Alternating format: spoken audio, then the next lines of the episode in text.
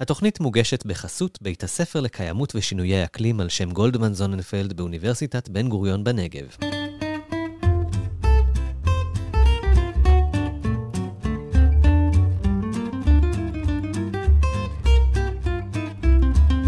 מדברים מדבר, תוכנית לילדים על כל הטוב שבמדבר. בהפקת דעת מדבר, רשות הטבע והגנים ורדיו BGU אוניברסיטת בן גוריון בנגב. בהגשת תמר קידר ושני וייסמן. האזנה נעימה. מי מכסים יותר מחצי מכדור הארץ? למי יש יחסי גומלין עם המדבר? מי יבשות מפרידים? היום, בתוכניתנו מדברים מדבר, נדבר על מדבר, ים ואוקיינוסים. שלום אייל. שלום תמר. אייל, אתה היום מחליף את שני.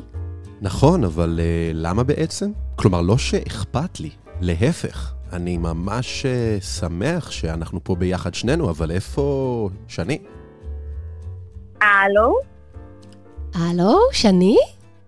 שלום, תמר, מה נשמע? בסדר, את חסרה לי פה קצת באולפן. איפה אוי, את? גם לי. אתם שומעים אותי? אני בדיוק באמצע טיול האמת, אז אה, אני מקווה שהקליטה טובה. אה, כן, כן, שומעים אותך טוב. אה, קצת נדמה לי שיש איזה רוח ברקע. איפה את? כן, יש, יש, יש קצת רוח. אני אה, במכתש רמון עכשיו, אה, סוף עונת הטיולים, אז יש הרבה טיולים. אה, נו, אבל לא יכולת למצוא איזה... לבוא לאולפן ולמצוא תאריך אחר לטייל? הלוואי, כל כך עמוס עכשיו. אה, מה, אתם ככה מנסים אה, להוציא כמה שיותר טיולים לשטח לפני החום הגדול של הקיץ? בדיוק, מתחיל עכשיו חום גדול שאפשר לצאת רק בערבים ובבקרים, אז uh, עכשיו יש טיולים ממש אחרונים שאפשר לטייל במהלך היום. וואו, אז מה, אולי תספרי לנו על איזה טיול נחמד שעשית? אז בדיוק רציתי לספר לך על טיול מגניב שעשיתי קצת לפני שהיה חום רציני, uh, כי טיילתי בערי אילת, שבערי אילת כבר ממש ממש חם לטייל, uh, וזה היה הטיול הראשון שלי. ובטיול הראשון שלי שטיילתי בערי אילת עשינו טיול של ארבעה ימים, והדרכתי ילדים ממש חמודים וסקרנים שאהבו את המדבר, ובעצם בסוף הטיול עלינו על הר, אה, וראינו מההר את הים האדום, את ים סוף, ואחד מהילדים שאל אותי למה קוראים לים האדום, הים האדום, וזו שאלה שממש עניינה אותי, וזה נורא, על זה. וזה נורא נחמד, כי החיבור הזה שבעצם הייתם במדבר וראיתם ים. שזה בדיוק הפרק שלנו נכון, היום. לגמרי. בדיוק, אז um, זה ממש מעניין, וממש uh, כל הילדים הופתעו לראות באמצע המדבר פתאום לעלות על ההר ולראות את הים. זה היה ממש חוויה טובה של סוף הטיול. Um, אז כן, זה היה טיול שממש אני זוכרת, ורציתי לשאול אתכם אם אתם יודעים אולי למה קוראים לים האדום הים האדום. יש לכם רעיונות? למה קוראים לים האדום הים האדום? אה, כן? כי כשהשמש שוקעת, אז הוא נהיה בצבע אדום. רעיון אה, טוב, רעיון לא רע אייל, אבל לא נראה לי שזאת התשובה. ממש ממש לא ניסיתי. אז רגע, שני, מה ענית לילד הסקרן הזה? שעמד במדבר האמת וראה את הים. נכון, ויש כמה, כמה דברים שבגללם קוראים לו הים האדום. אז דבר ראשון, יש לנו את הרי אדום, שהם נמצאים בירדן והם משקיפים על הים האדום, ובעצם ההשתקפות האדומה שלהם נותנת את הצבע האדום לים. קול. ודבר שני, אומרים שבגלל כל מיני בקטריות שיש בים שהן בצבע אדמדם, וזה מה שמביא לים את הצבע. אה, והתיאוריה השלישית שאותה אני הכי אוהבת, זה שאתם יודעים שלים האדום קוראים גם ים סוף, נכון? נכון. נכון. אז ים סוף באנגלית אומרים ריד, ריד זה סוף. ואז עם השנים זה נהפך לרד, שרד באנגלית זה אדום, ובגלל זה זה נהפך להיות הים האדום. אה, שיבושי לשון אני מאוד אוהב. יפה מאוד. בדיוק. איזה יופי. תגידי, וזה סיפק את הילד הסקרן הזה? הוא היה מבסוט מהתשובות שלך? כן, בסופו של דבר הוא השתכנע, ושמח להגיע בסופו של הטיול לים האדום, ובאמת אה, להרגיש את המים. אבל שני, אמרת שזה היה הטיול הראשון שלך, אני לא מבינה. בתור מדריכה ברשות הטבע והגנים, את מתכוונת זה היה הטיול הראשון שלך? נכון, אז בתור מדריכה ברשות הטבע והגנים ובצבא, אני כבר מדריכה שנתיים, וממש עוד אה, חודשיים, אפילו פחות, אני משתחררת, ואני כבר לא אעשה את העבודה הזאת ולא אדריך טיולים ברשות הטבע והגנים במצפה רמון בצבא. אולי אני אשאר עדיין להדריך טיולים, אבל לא במסגרת הזאת. אה, אבל נראה לי שאת תמשיכי לטייל במדבר, נכון? זה בוודאות, בכלל, אחרי הפודקאסט. אני חייבת. אה, נהנית להקליט איתנו פה באולפן פודקאסט? מאוד נהניתי, ואני באמת, אה, זו התקופה עכשיו של הרבה פרידות. גם אני עוד מעט אשתחרר, וגם אנחנו מסיימים את העונה שלנו פה, ואני לא אהיה יותר באולפן. אה, וזו חוויה ממש ממש מגניבה להקליט ברדיו. זאת פעם הראשונה שאני מקליטה. וזה מרגש לעשות משהו חדש, גם איתך וגם עם אייל, ולראות את כל הילדים החמודים שהגיעו אלינו ואת הצוות, ואני נורא אתגעגע לזה. נכון. תודה על ההזדמנות. יואו, איזה כיף, ותודה לך, שני, שהיית איתנו, זה היה ממש כיף, ושתדעי לך שגם היום, בתוכנית הזאת, יגיעו לכאן ילדים חמודים, ותהיה לנו חוקרת, ויהיו עוד דברים מעניינים בתוכנית הזאת. זה לא רק עצוב שאנחנו נפרדים, אנחנו נספר גם על כמה דברים אה, משמחים שעומדים לקרות. אבל uh, אני לא אגלה את זה עכשיו, אני לא אגלה לך עכשיו, את תצטרכי לחכות בסבלנות. לשמוע ולראות. ולשמוע את הפרק הזה. אז שני, ממש ממש תודה, ותמשיכי בטיול שלך. איפה את נמצאת עכשיו? אמרת לנו, במכתש? בתוך, במכתש, במכתש רמון. יואו. איזה איזה כיף כיף לך. נכון, ממש כיף לך. אז אה, שני מתוקה, תודה וכיף שהיית איתנו, ואנחנו כמובן אה, עוד אה, נהיה בקשר. בהצלחה, שני. תודה רבה. לכולכם, תודה, תודה. ביי. ביי ביי.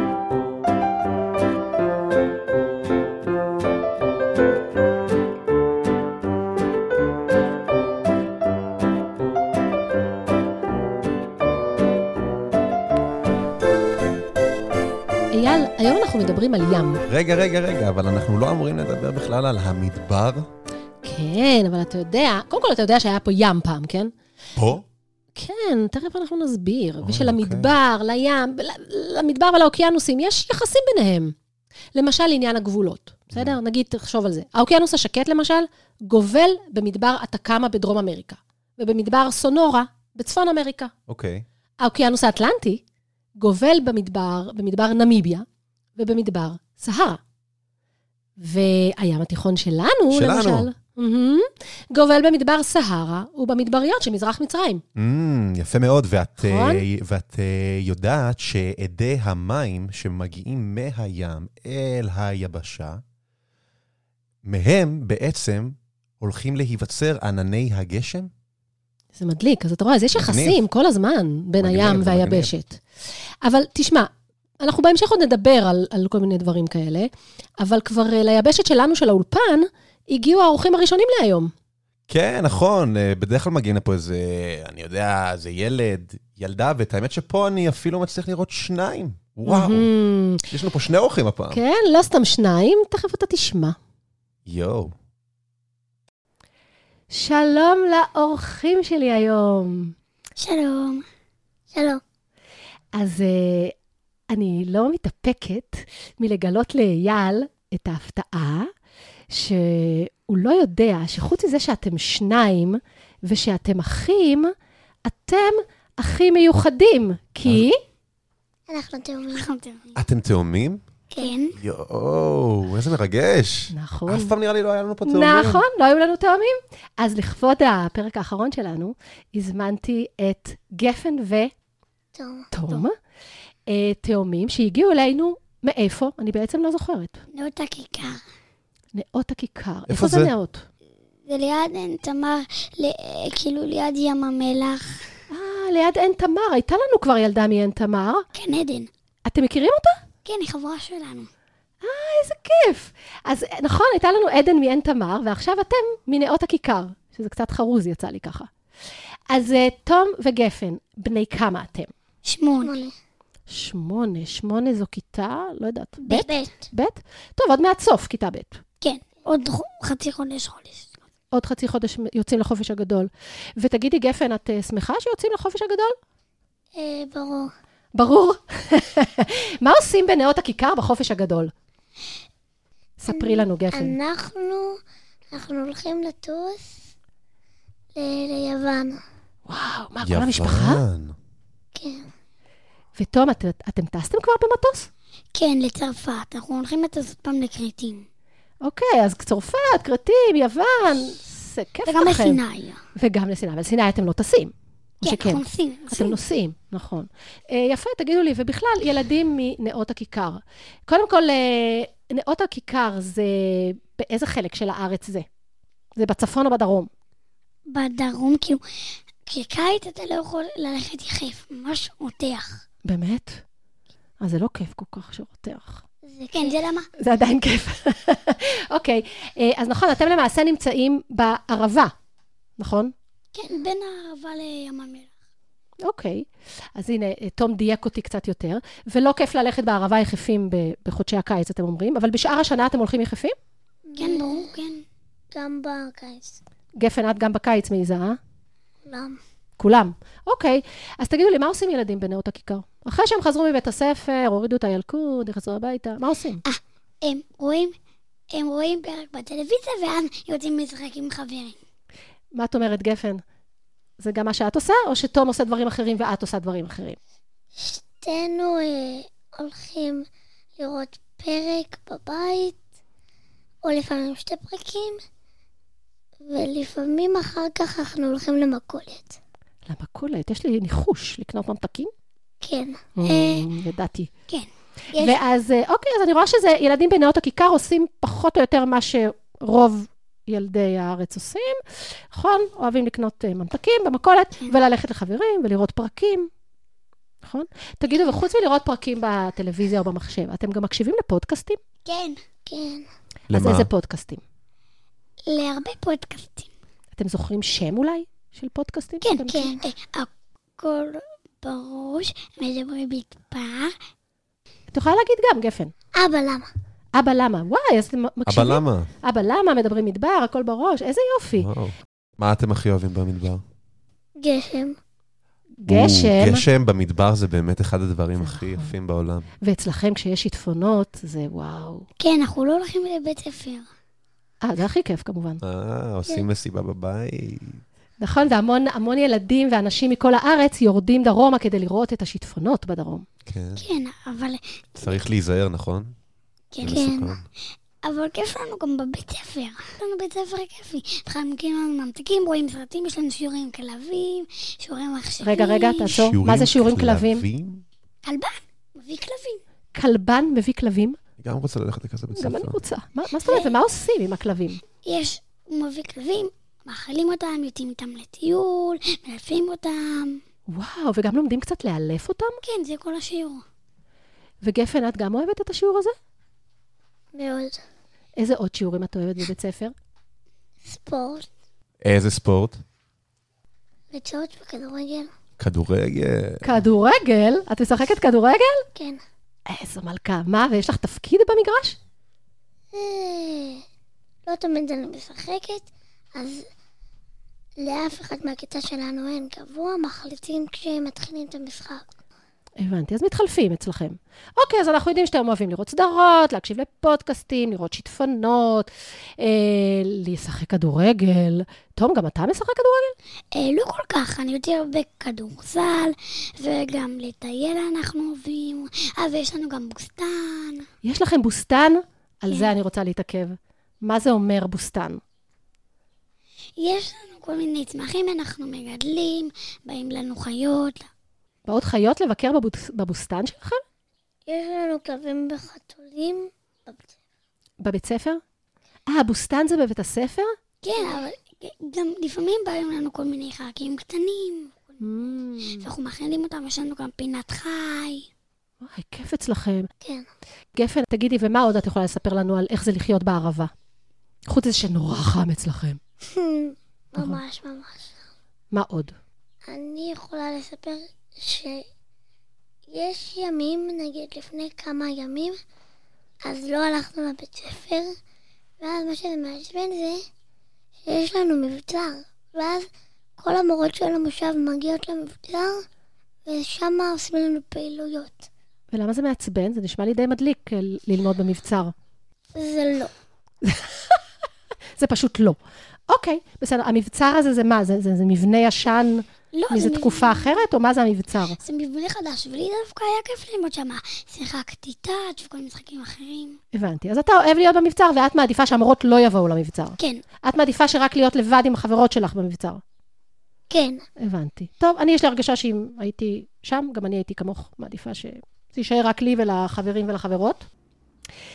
אבל uh, תשמעו, חמודים, אני רוצה לבקש מכם, uh, בפרק הקודם שלנו, פרק מספר 5, בפינת ההגדה, סיפרנו אגדה על דינוזאור קטן, והשארתי את הסוף פתוח, כדי שילדים שמאזינים לנו, ויש כאלה שכבר שלחו לי, ימציאו סופים. כי אני אוהבת נורא את הדמיון של הילדים ואת הרעיונות של הילדים. אז האם אתם מוכנים לשתף אותי, כי אתם כתבתם לי, לא אתם, אבא שלכם כתב, ש, שאתם כתבתם סוף להגדה. אז האם אתם מוכנים, אה, אתם, לספר את הסוף של ההגדה בקול שלכם? כן. כן, אז מה הסוף? משה זאור מוצא משה זאורית ומתאהב בה, והיא באה איתם, והמומחה מגיע לחבר שלו, ושואל את החבר שלו איפה משה זאור, ומגלים שמשה זאור נעלם. בינתיים ומשה זאורית מולידים ילד, והמומחה עולה על העקבות שלהם, והם צריכים לברוח. וואו, אהבתי. אז עכשיו, בעצם יש שלושה דינוזאורים. לא, כן. נכון? משה זאור, משה זאורית, והתינוק שלהם. וכולם בעצם הם צריכים לברוח מהחוקר. וגם הילדים. אז uh, גפן ותום, ממש ממש תודה שבאתם כל הדרך מנאות הכיכר. אני יודעת שזה רחוק. שעה וחצי נסיעה. שעה וחצי, יאללה, אתה שומע? שעה וחצי. הם הגיעו כדי להיות איתנו כאן באולפן. וואו. טוב, חמודים, ממש, ממש, ממש תודה שבאתם לדבר איתנו. הייתם מקסימים. ממש. אז אה, תודה רבה. אתם ו- רוצים להגיד ביי ביחד? שלוש, ארבע, ו... ביי. ביי.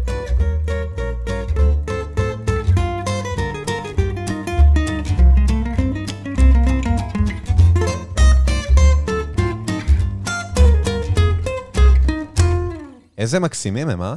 ממש, אני תמיד כל כך אוהבת לדבר עם הילדים שבאים לאולפן. וואו, לגמרי. אבל תשמע, אייל, בוא נדבר רגע על עוד יחסים מעניינים שיש בין ים ויבשה. נו, למשל, חשבת על זה שככל שאזור היבשת רחוק יותר מהים, כך הוא יבש יותר, נכון? הגיוני.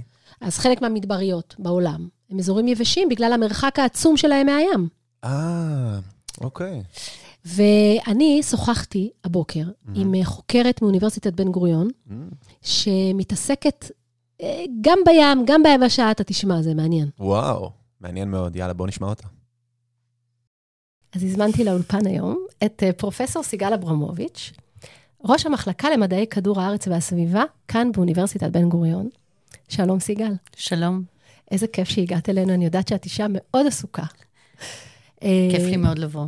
אז אה, מצוין. בואי תספרי לנו רגע, ככה לפני שניכנס לעומק האוקיינוס, תספרי לנו אה, מה תחום המחקר המרכזי שלך. אז, אז התשובה היא קצת מורכבת, כי המחקר שלי הלך והתפתח לאורך, והשתנה לאורך השנים. אה, אני התחלתי כחוקרת מאובנים, חיים של, אה, של, שהתקיימו בעבר, וחקר מדוקדק של השרידים שלהם, שאפשרו לי לשחזר אה, אירועים מאוד משמעותיים בהיסטוריה של כדור הארץ, כמו למשל ההכחדה של הדינוזאורים.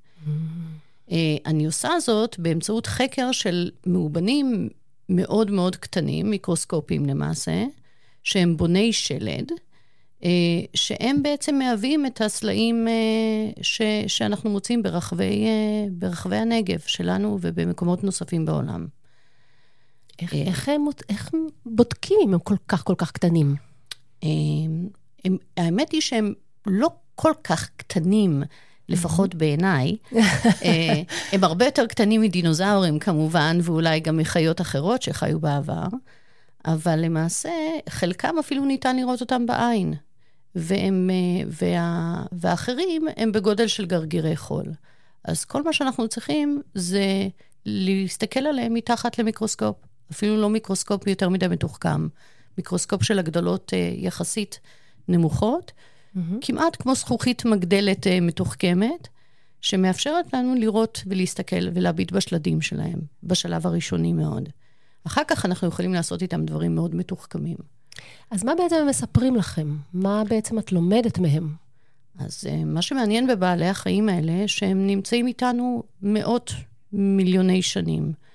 הם אה, חיים באוקיינוסים, במקומות שונים באוקיינוסים, חלקם חיים בעמודת המים, וחלקם חיים על קרקעית האוקיינוסים, והם אה, לאורך כל החיים שלהם מייצרים הרבה מאוד צאצאים, אפילו אלפי צאצאים.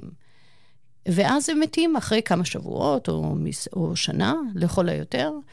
וכשהם מתים, השלדים שלהם נשמרים ומצטברים בכמויות מאוד גדולות, עד שבסופו של דבר נוצר סלע, סלע משקע שאנחנו קוראים לו קרטון, הסלעים הלבנים שאנחנו רואים אותם ברחבי הנגב, שהם בנויים מהשלדים שלהם ושל יצורים אחרים ימיים שגם הם בונים שלד. אני רוצה רגע לעצור עם העניין המחקרי ולשאול אותך שאלה קצת אישית. כשהיית כן. ילדה, כן. כבר ידעת שככה ת, ת, ת, תחפשי שלדים של יצורים מאוד אה, גדולים? לא, ממש ממש לא. מה רצית להיות כשתהיי גדולה? האמת היא שאני לא יודעת. אה, יש על זה ויכוחים די משמעותיים במשפחה. אני בעיקר רציתי להיות ילדה. מצוין, זו כבר התחלה אה, טובה. כן, אני ידעתי שאני אוהבת מאוד טבע, ואני Mm. מאוד אוהבת ים גם. גדלת ליד הים? אני גדלתי תקופה, בתקופה מסוימת בחיי, גרנו באילת. אה, אוקיי. יכול להיות ששם... ועברנו לשם בעקבות העבודה של אבא שלי, וביליתי די הרבה שנים על, על, על שפת הים, ו, ו, ואהבתי לשחות, אהבתי לצלול, אה, ובסופו של דבר חזרתי על זה באיזה קאמבקט מוצלח, אה, היום כחוקרת של, של ים. אז בעצם את אומרת שהסלעים האלה נמצאים ברחבי הנגב. ובכל רחבי העולם למעשה, באזורים mm-hmm. אחרים שבהם היה קיים ים בעבר, ולמעשה, מה, איזה נתונים אתם מוציאים מהם? אז הנתונים הם מאוד מגוונים. אה, קודם כל, בשלב הראשון, רק מהסתכלות על מיקרוסקופ, אנחנו יכולים לדעת שני דברים. אחד, אה, אנחנו יכולים לדעת מה היה הרכב החיים של אותם יצורים, כלומר, איזה מינים שלטו בתקופות שונות. Mm-hmm. ודבר שני, שהוא מאוד מאוד חשוב וכלי גיאולוגי מאוד משמעותי, אה, אנחנו יכולים באמצעותם לקבוע את הגיל של הסלעים. אני יכולה למשל לזהות מין מסוים של, אה, של היצור הזה, מין ספציפי, ולדעת שהגיל של הסלע הזה הוא בין 73 מיליון שנה. ישנם מינים שהופיעו באבולוציה, ואז mm-hmm. נכחדו. והמשך זמן שהם היו קיימים, למשל מיליון שנה, בדרך כלל אנחנו אוהבים מאובנים שאפילו חיו פחות מזה, מאות אלפי שנים. Okay. אוקיי. אם אני מוצאת את השלד של המאובן הזה, אז אני יודעת ש, שבעצם הסלע הזה הוא מגיל מסוים שמייצג את האבולוציה, את משך האבולוציה של אותו יצור. וזה כלי מאוד חשוב שפותח במשך עשרות שנים, mm-hmm. ומשמש לנו אה, ככלי ל, ל, לקבוע את הגיל של סלעים ברחבי העולם בצורה יחסית מאוד פשוטטה, עם עלות יחסית נמוכה, לא צריך... זה באמת מרתק. זה ממש... יופי של רעיון. זה ממש כיף ומרתק, ואני, חבל שלא אני חשבתי עליו, אבל חשבו עליו. אבל יופי שאת הצטרפת. לפנות עשרות שנים, אבל כן צריך ללמוד את זה בצורה מאוד מדוקדקת. מכיוון שאני חייבת להיות מומחית לאותם בעלי חיים, על מנת לקבוע בוודאות שאכן מדובר במין הזה, ובזכות הזיהוי הזה אני יכולה לקבוע את הגיל של הסלע. אז זה מחייב מקצועיות, מקצועיות. מאוד... מקצועיות. כן. איזה נהדר. אז מקודם הזכרנו את האוקיינוסים. כן. בואי נדבר קצת על אוקיינוסים. הכרנו פה בפרק את ים תטיס. בדיוק. אז אני רוצה לקשר את זה רגע ברשותך, אם תסבירי לנו קצת על, ה, על האזור שלנו בעצם. כן. אז האזור שלנו במשך תקופות ארוכות בהיסטוריה הגיאולוגית של, של ישראל, שהיא אה, מרתקת במיוחד ואפילו מיוחדת. וזה לא רק בגלל שאני מאוד אוהבת את ישראל, זה גם בגלל ש... בגלל שבאמת הגיאולוגיה פה היא, היא מדהימה. אנחנו למעשה חיים בפארק גיאולוגי מרהיב של ים התטיס. ובתקופות האלה של ים התטיס, אה, שהיה קיים פה ים תטיס, אה, חיו פה הרבה מאוד אה, יצורים, וזו הייתה סביבה שהיא מאוד, שהשתנתה ב, לאורך התקופות הגיאולוגיות השונות. האופי של ים התטיס השתנה, פעם אחת הוא תמך ביצורים שאוהבים למשל, הרבה, שנהנים מאושר מזון מאוד אה, זמין, בגלל mm-hmm. איזושהי מערכת אה, ימית מאוד ייחודית שהתקיימה באזור. וזה גם יצר לנו נוף של מסלע מאוד, מאוד טיפוסי לתנאים האלה, כמו סלעי הצור, שמוצאים אותם ברחבי הנגב ובאזורים אחרים בארץ. נכון. הם נקראים, דרך אגב, בגיאולוגית תצורת מישש, או צור של תצורת מישש. ולעומת זאת, ישנן תקופות ש, שבהן הייתה, היה ביטוי יותר משמעותי ליצורים כאלה שאני עובדת עליהם, שהם מייצרים שלדים, והשלדים שלהם בנויים מהמינרל קלצית. אה, והקלצית הלכה והצטברה לאורך, לאורך השנים, או לאורך עשרות אלפי שנים, מאות אלפי שנים, מיליוני שנים, ובסופו של דבר נוצר מסלע שנקרא קרטון, הקרטול הלבן, שרואים אותו ברחבי הנגב. הבנתי. זאת אומרת, אז באמת, זו תקופה, אנחנו מדברים על תקופה מאוד ארוכה ועל תקופה מגוונת. על תקופה מאוד, מבחינה גיאולוגית. מאוד מגוונת ומאוד מאוד ארוכה. יש לנו היסטוריה של עשרות מיליוני שנים, שהיא גלויה וחשופה ברחבי הנגב, ואנחנו כמו ספר עם הרבה מאוד דפים, יכולים לבוא עם ה... כן, אז במקום לדפדף, יש לנו פטיש.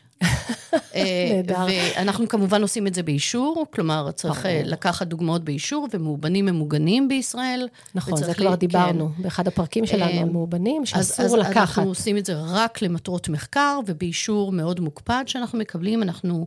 לוקחים, או מה שנקרא דוגמים את הסלעים אה, אה, לאורך ציר הזמן, זאת אומרת שלמטה זה העתיק ולמעלה זה הצעיר mm-hmm. יותר. אה, ואנחנו... אה, ובואי רגע נחזור באמת לאוקיינוסים האלה, הגדולים. כן. אה, אז את יודעת שבדרך כלל כשאני מזמינה חוקר או חוקרת לאולפן, מגיעים ילדים איתנו. כן. והפעם אנחנו נפריד את שני הרעיונות, אבל הילדים לא ויתרו על לשאול את השאלות, את החוקרת. כן. אז הם שלחו את השאלות אליי. כן. ואני אשאל אותך בשמם. אז קודם כל, יש להם שאלה אחת מקסימה. הם כמובן שמעו, וכולנו מדברים על התחממות uh, כדור הארץ, וגם דיברנו על זה בתוכניות שלנו, והם נורא רוצים לדעת אם יש לך רעיונות, מה, מה אפשר לעשות כדי למנוע את התחממות האוקיינוסים? כן. מה החוקרים עושים עם השאלה הזאת? מה החוקרים עושים עם השאלה הזאת? אז קודם כל, התפקיד שלי כגיאולוגית היא קודם כל אה, אה, לאפיין את אותה, אותו תהליך של ההתחממות של, של כדור הארץ. אבל כגיאולוגים, או גיאולוגיות, אה, התפקיד שלנו הוא קודם כל להראות שמדובר באמת באירוע חריג, גם בסקאלה גיאולוגית. זאת אומרת, באותה סקאלה של עשרות ומאות מיליוני שנים, אנחנו צריכים אה, לבדוק האם מדובר באירוע שהוא ב... אה, שמבחינת העוצמה שלו, היו לו... היו לו...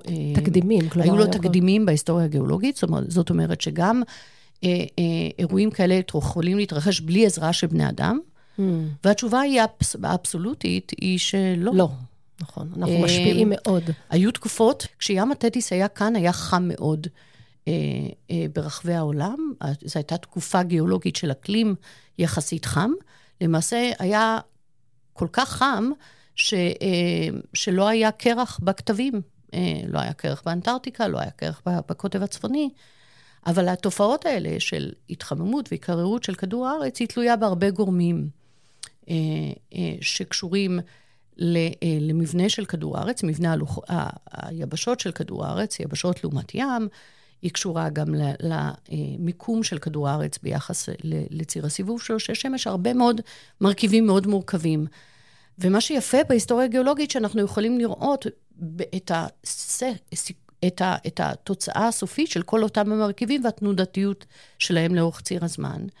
וכל התהליכים האלה של התחממות והתקררות של כדור הארץ הם בדרך כלל הרבה הרבה יותר איטיים. Mm, והבעיה אה, פה זה המהירות. וכאן הבעיה היא המהירות, המהירות בעידן שלנו. וכמובן הבעיה היא גם שבני אדם מאוד תלויים אה, באקלים. כלומר, אנחנו אה, יושבים, אה, הרבה מאוד מהערים המרכזיות ברחבי העולם יושבות אה, בגובה פני הים.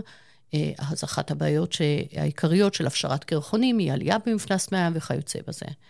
אז הדבר הראשון, התפקיד שלנו כגיאולוגים, זה לתת את אותה, מה שנקרא פרספקטיבה גיאולוגית, ש, אה, שמראה לנו עד כמה האירוע הזה שאנחנו, המשבר הגלובלי הזה שאנחנו חווים היום, עד כמה הוא יוצא דופן במובן הזה. אה, מה אנחנו יכולים לעשות למען, כדי למנוע התחממות של האוקיינוסים, זה, זה הטיפול הכולל של איך אנחנו יכולים למתן את ההשפעות של ההתחממות הגלובלית. שלנו, שלנו, אדם. כן, לא רק באוקיינוסים. אלא ביבשה. וכאן יש לנו תפקיד מאוד חשוב, לא רק למדענים, אלא לכל, לכל, לכל אזרחי ילד כדור- וילדה, כן. לכל ילד וילדה ולכל אזרחי כדור הארץ בכלל. ואני רוצה לשאול אותך, כשמדברים על התחממות האוקיינוס, מה, מה הבעיה עם זה, שזה מה שילדים גם שאלו, מה הבעיה עם זה שהמעלות של המים, אה, שהאוקיינוס מתחמם קצת, אז הוא מתחמם בכמה מעלות, מה יקרה? כן. אה, לאוקיינוס יש תפקיד מאוד חשוב אה, כווסת של שינוי אקלים, כלומר, Mm. הוא, הוא אוגר הרבה מאוד מאותו חום עודף שנוצר כתוצאה מגזי החממה, והוא יכול לעשות את זה עד סף מסוים. אה, וברגע ול- מסוים הוא כבר לא יוכל לקלוט אולי את הדבר הזה.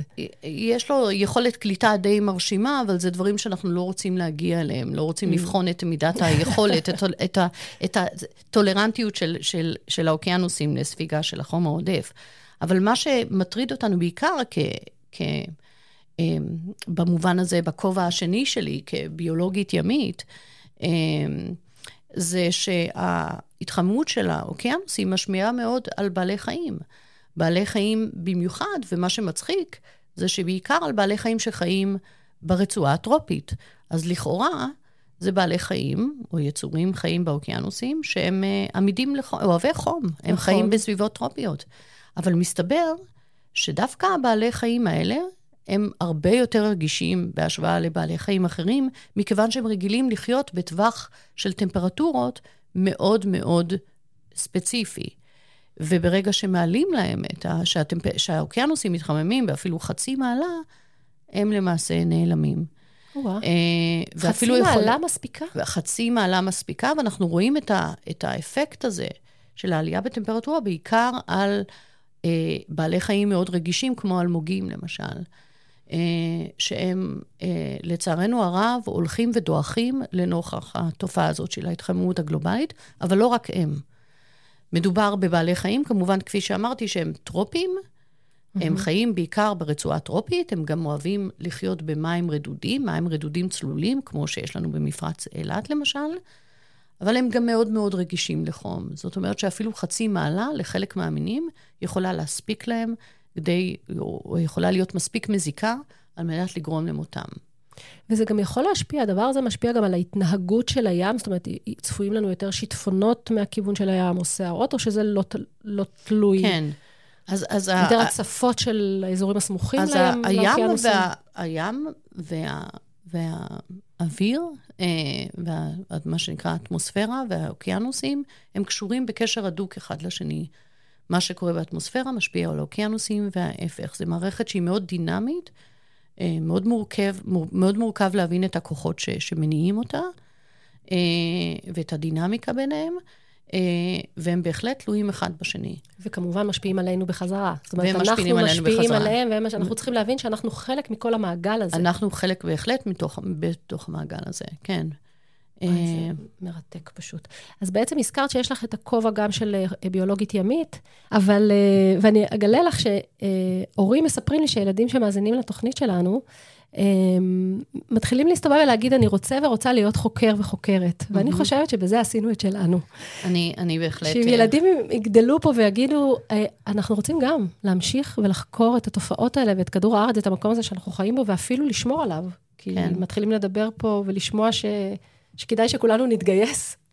לגמרי, כן. אז, אה, אז קודם כל, אני ממש ממש רוצה להודות לך על כן. זה שבאת ושיתפת אותנו במחקר שלך. אה, טוב, יופי. אז אה, סיגל, המון המון תודה, שוב. טוב, כיף.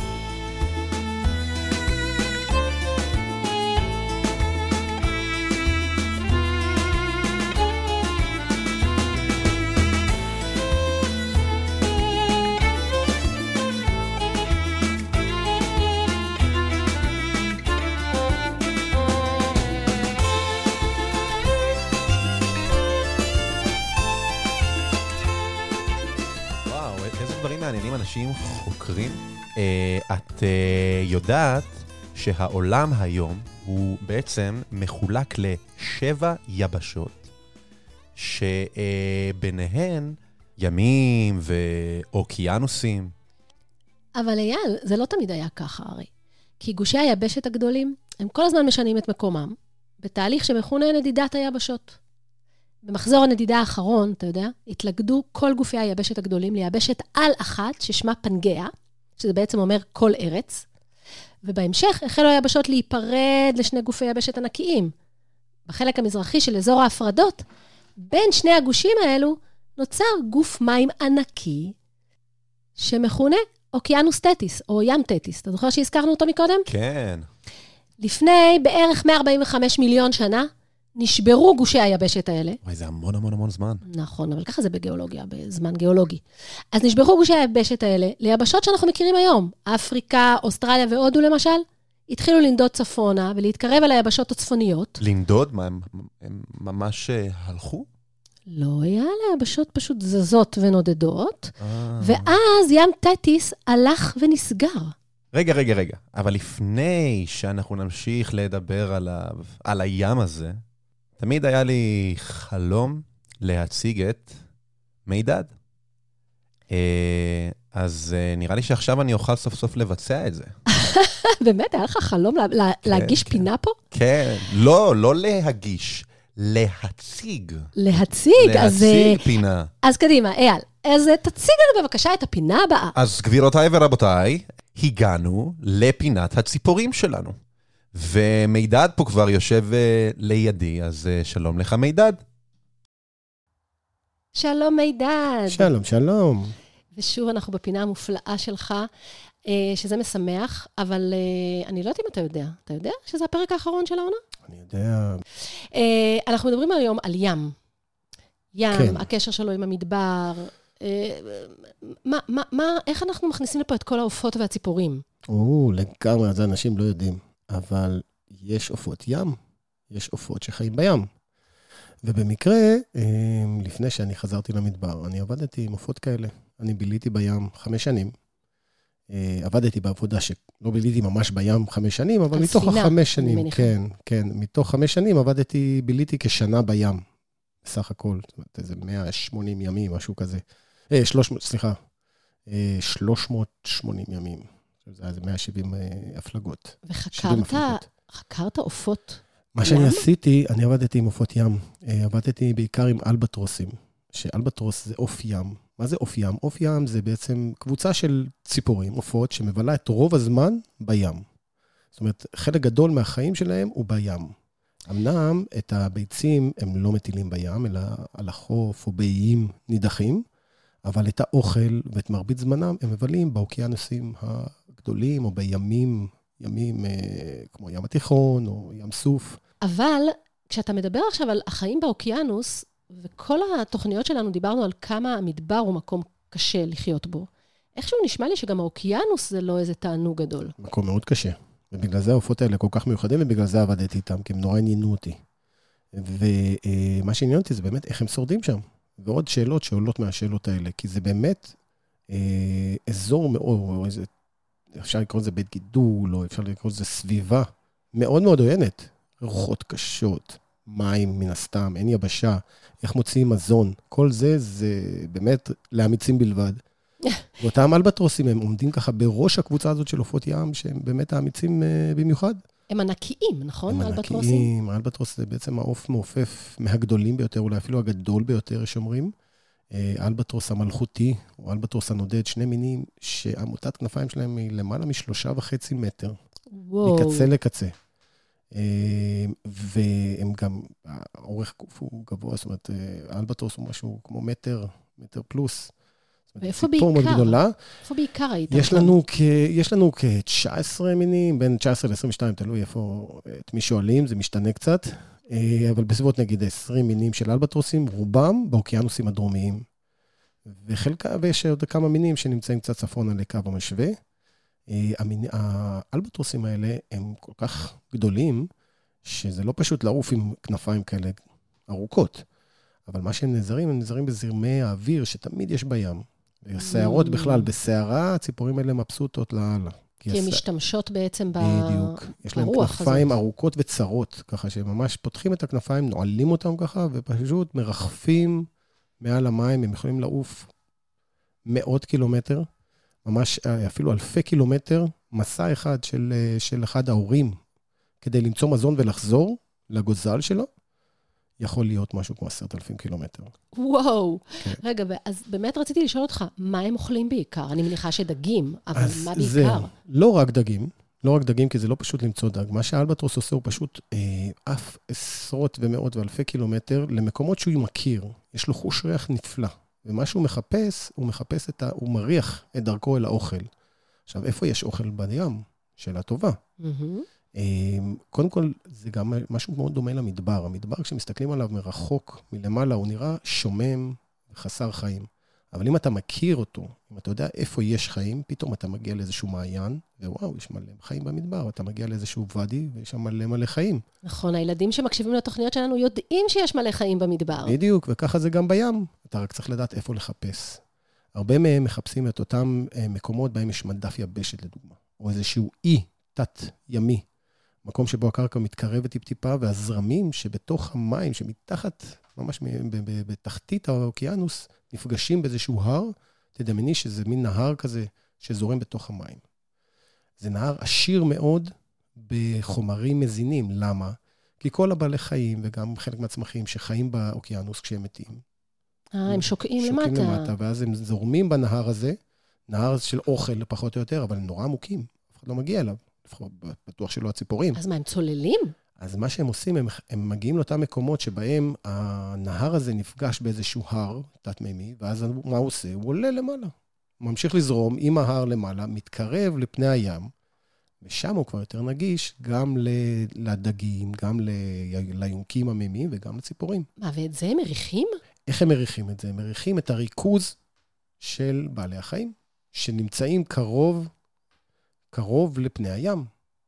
מה זאת אומרת? אותו נהר נפגש ביבשת, מהמם. עולה למעלה, כי אין לו לאן לזרום יותר, אז הוא פשוט עולה יחד עם היבשת, עם אותו צוק, מתקרב לפני הים, מושך אליו דגים, כרישים, לוויתנים, דולפינים, דגים אחרים, כל אלה באים לאכול את האוכל, את כל ה... את כל ה... משקע זה... כן, ואז להם יש ריח. האלבטרוסים ועופות ים אחרים מריחים את זה ויודעים להתקרב לאותו אזור, ושם הם מחפשים, הם מחפשים בעלי חיים, גם דגים, אבל גם אה, מאוד אוהבים דיונונים. הם מאוד, אה, חלק מהבעלי חיים האלה מתים בסופו של דבר, או שיש פגרים, או שבעלי חיים שטרפו אותם, ואז הם אוכלים גם את זה. זאת אומרת, הם אוכלי קול, בתכלס. הבנתי. אז- אה, וזה, כן, והם כולם ככה חולקים יפה ביחד את ה- כן, את האוכל הזה? כן, תחשבי שהאוקיינוס הוא גדול מאוד. נכון.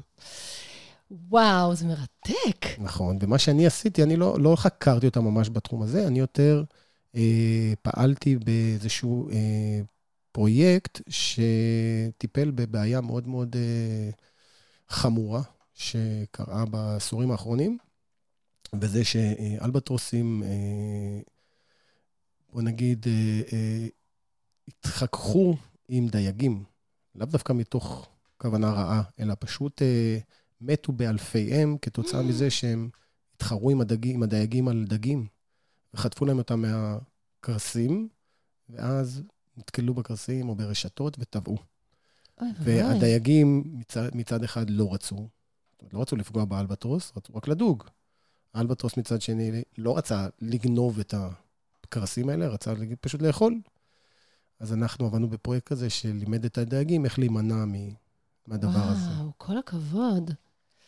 טוב, אני מניחה שילדים שמקשיבים לנו, בכלל לכל התוכניות שלך, מידד, אני כבר יודעת על ילדים קטנים שמאוד מאוד אהבו את הפינה הזאת, והם אה, נורא רוצים להיות אה, צפרים כמו מידד כשהם יהיו גדולים. אז אולי הם ימשיכו לאל, בכל מיני פרויקטים חשובים כאלה. אני מקווה, שנעשים. אני מניחה, בכל מיני מקומות פרויקטים. בעולם. כן, וצריכים הרבה אנשים.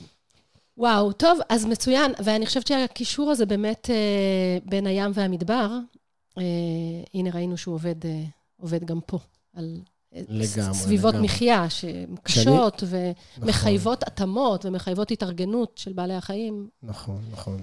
לא סתם אני, כשהגעתי לים ממש, אה, התאהבתי בים כמו, ש... כמו שאני אוהב את המדבר.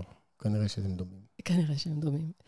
טוב, מידד, אה, אז אני, אני מצטערת להגיד שזה הפרק האחרון, ושאנחנו צריכים להיפרד, אה, ואתה צריך להבטיח לי שאתה מוסר למעיין דש ממני.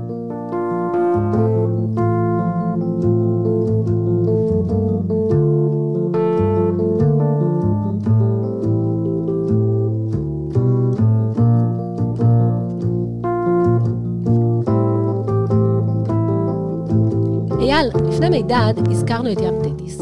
אתה יודע מה מקור השם שלו? לא. אז ככה, תטיס היא דמות מהמיתולוגיה היוונית, אחת מהטיטנים, ענקים שהם היו ראשוני האלים, לפי המיתולוגיה הזאת, ותטיס הייתה אלת מים, אשתו של אוקיינוס, הים הקדמוני ואל המעמקים.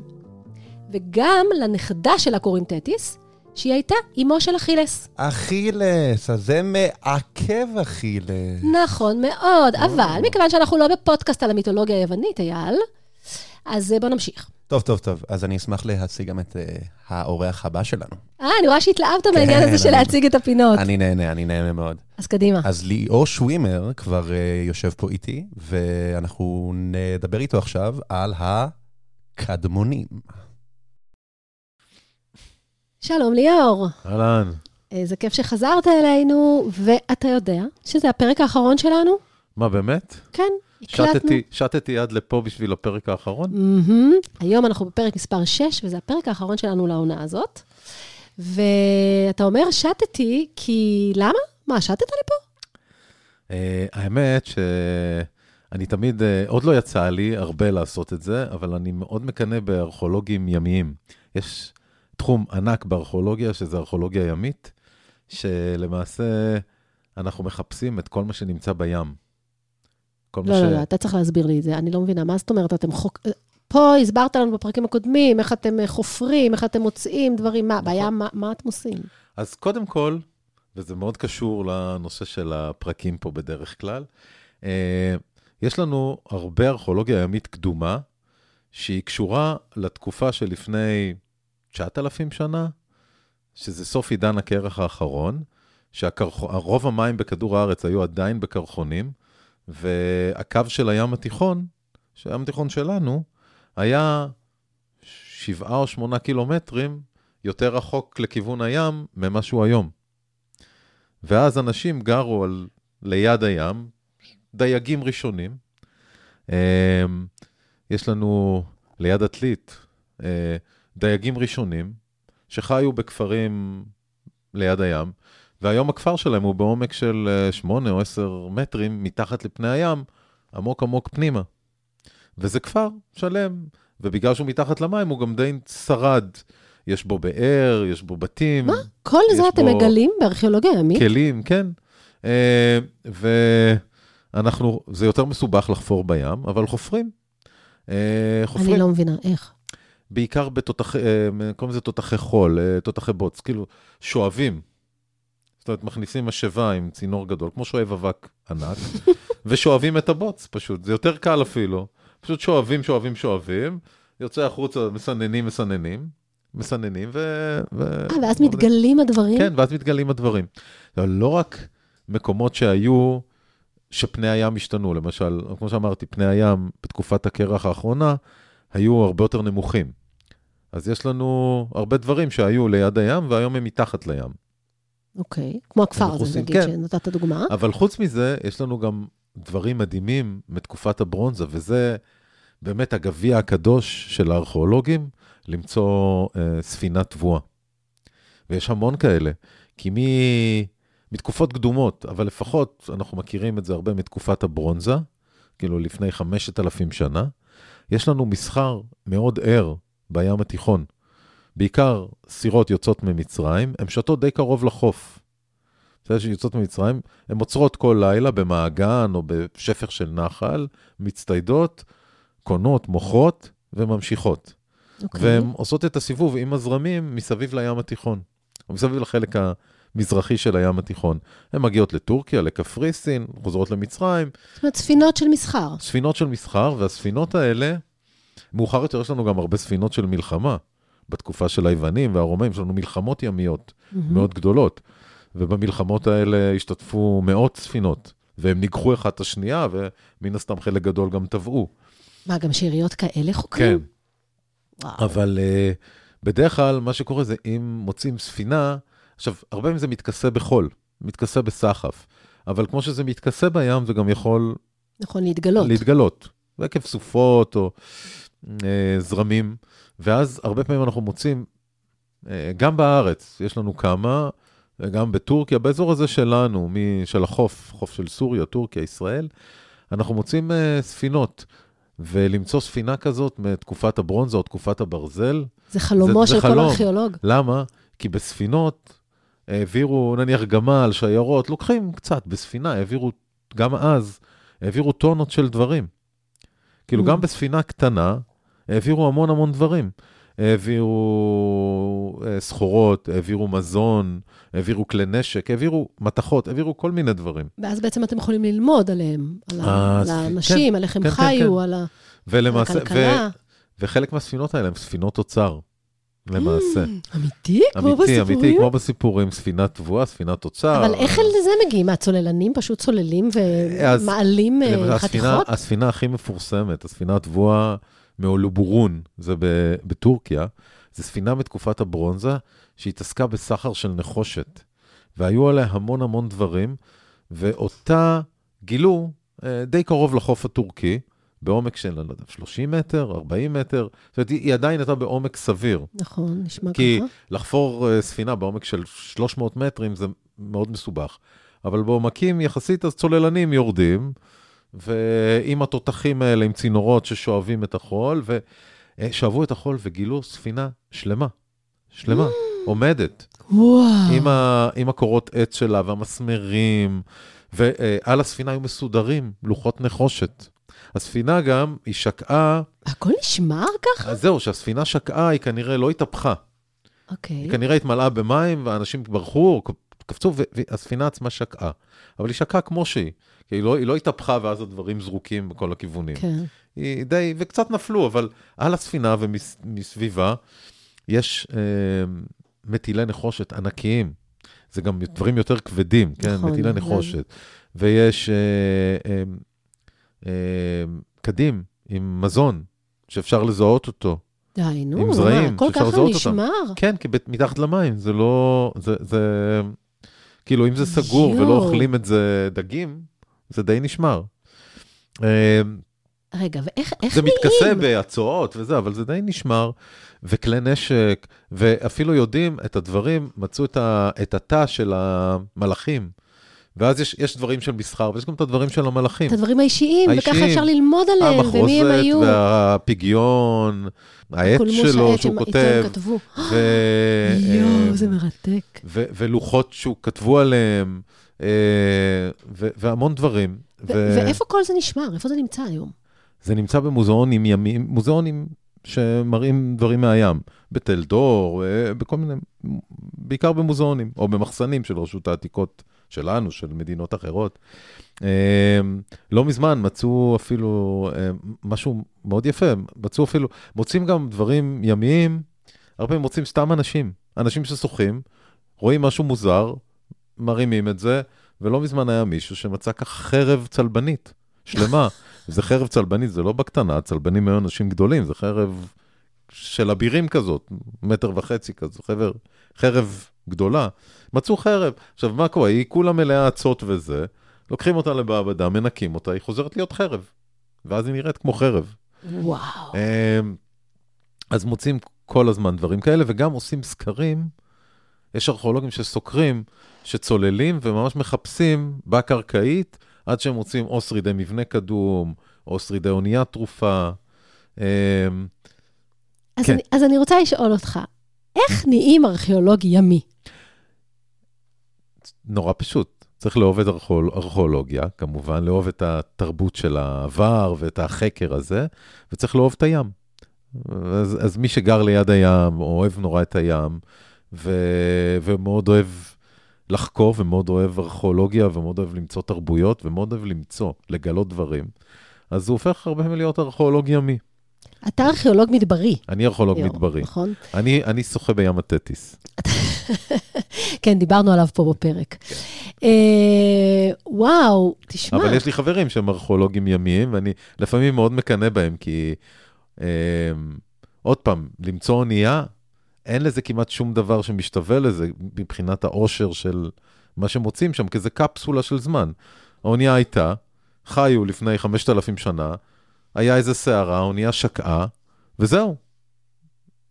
והכל פשוט לא נעצר שדדו- מלכת. כן, לא שדדו את זה, לא באו ולקחו, לא השתמשו בזה עוד פעם. וזה באמת אה. אוצר לכם, לארכיאולוגים. וזה אוצר, אפשר כן. ללמוד מזה המון. והים התיכון מלא מלא באוצרות. שעדיין אה, אולי מצאו פחות מאחוז. אה, מלא, כי הרוב באמת אה, בעומק יותר. אה, וואי, זה פשוט מדהים. תשמע, זה... כל הסיפורים שלך הם מדהימים, ואני חושבת שזה יופי של סיפור כדי לסגור את העונה. נשארתי פה עם uh, הילת אוצר כזאת. הילת מסתורין. כן, כן. זה כמו, רואים את הדבר הזה, מנצ... שוחים, שוחים, פתאום רואים משהו מנצנץ למטה. ומגלים שזה איזה חרב צלבנית כן. או משהו. או איזה מטבע אסלאמי קדום, או משהו כזה. יאללה. טוב, אז אה, ליאור, ממש ממש תודה שגילית לנו גם את סודות המדבר וגם את סודות הים בתוכנית הזאת. תודה רבה. תודה.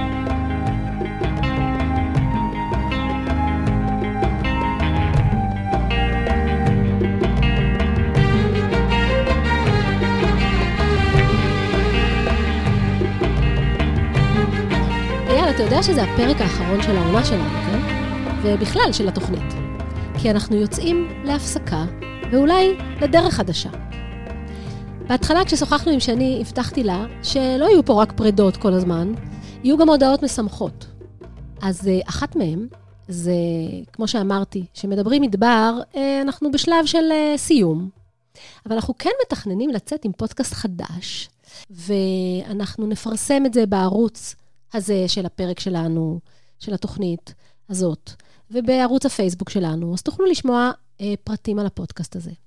וגם, אייל, יש לנו עוד אה, הודעה משמחת, שאנחנו מקווים לפתוח בשנה הקרובה, שנת אה, 23-24, מועדון מטיילים לילדים והורים שמאזינים לפודקאסט שלנו. יואו, איזה שווה. מהמם. וגם פרטים על זה אנחנו נפרסם בערוץ של הפודקאסט וגם בערוץ הפייסבוק. אז uh, תעקבו אחרינו. נפלא. ואתה יודע, עוד דבר אחד, אייל, שלאורך השנים שהיינו פה, ככה לאורך השלוש עונות שלנו, ילדים שאלו אותי הרבה שאלות, גם באולפן וגם דרך ערוץ הפייסבוק, ולילדים יש תמיד שאלות מצוינות. אז uh, יש לי גם איזו שיחה שרציתי uh, להשמיע לך עם uh, ניצן, שהוא הבן uh, של דודו מההפקה שלנו, מהמם. ופשוט הייתה לו שאלה כל כך מצוינת בעיניי, אז uh, בוא תשמע. יאללה. אוקיי, שלום ניצן. שלום, אתה כבר פעם שנייה אצלנו בתוכנית. אני יודע. נכון, היית בפרק על, אתה זוכר? היה סוקולנטים. נכון, אתה ואח שלך, אביב, התארחתם בפרק הזה, נכון? ועכשיו אנחנו בפרק האחרון של העונה, ואתה מאוד רצית לשתף אותנו במשהו, בשאלה מאוד מעניינת שחשבת עליה. ואני חשבתי שזה יהיה נהדר שאנחנו נשתף את כל המאזינים שלנו בשאלה הזאת. אז אה, אתה רוצה לספר לנו מה זו השאלה הזאת? איזה ריח יש לירח? איזה ריח יש לירח? אין לי מושג, אבל זאת שאלה משונה מאוד ומעניינת מאוד. יש לך רעיון? איך אפשר לבדוק את זה? בכלל לירח יש ריח? אבל זה... כי תמיד כשאתה בירח, הם... יש לך מסכות חמצן, ככה שאתה רק נושם אוויר, ואתה לא באמת מריח את הריח של הירח. נכון, ואי אפשר להוריד את המסכות. נכון, אז בעצם אנחנו לא יכולים להריח את הריח של הירח. עד שנפתור אותה. עד שנפתור אותה. זו שאלה מצוינת. אני חושבת שזה גם מאוד מתאים שאנחנו חושבים על הירח, כי פתחנו את העונה הזאת בפרק על השמש, נכון? ודיברנו על השמש. ועכשיו אנחנו סוגרים את העונה עם הירח, נכון? וחושבים על איזה ריח והאם יש לירח ריח. יש לך רעיון לתשובה? איזה ריח יכול להיות לירח? הריח של הירח יכול להיות כל ריח. למשל כמו אבק. או ריח של האור. אה, אוקיי, אז הרעיון שלך זה שאולי יש לו ריח של אבק או אור, שזה שני דברים שקשורים לירח, נכון? אולי זה הריח של החלל. ריח של החלל. מעניין מה זה ריח של חלל. סקרנת אותי עכשיו. סתם. סתם. לא, אבל זה מדליק ריח של חלל. אז יש רעיונות. אתה רוצה שנזמין ילדים נוספים שיכתבו לנו אולי עוד רעיונות? איזה ריח יש לירח? זה חרוז. יואו, ניצן, איזה כיף. אני בכלל מזמינה עוד ילדים וילדות לכתוב לנו על כל מיני שאלות שעולות אצלם אה, בעקבות הפרקים שהם שומעים, או בכלל, כי לכם, ילדים, יש את השאלות הכי טובות שיש.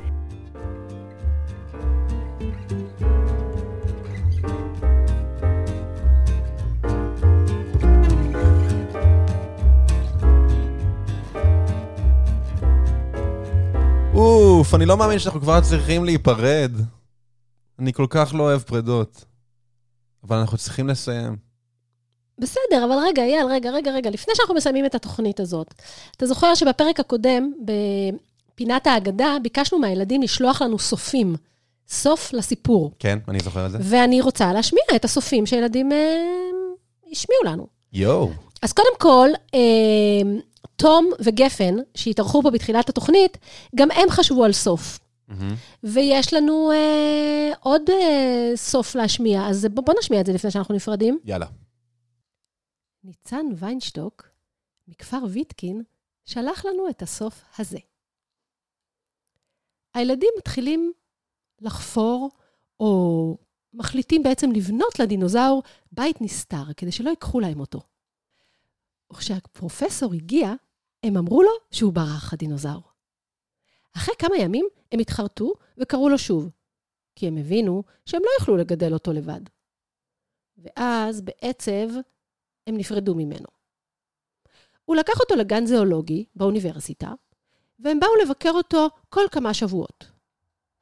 החודשים חלפו, ואחרי שנתיים הדינוזאור גדל להיות ענק, בגובה של בית עם שתי קומות.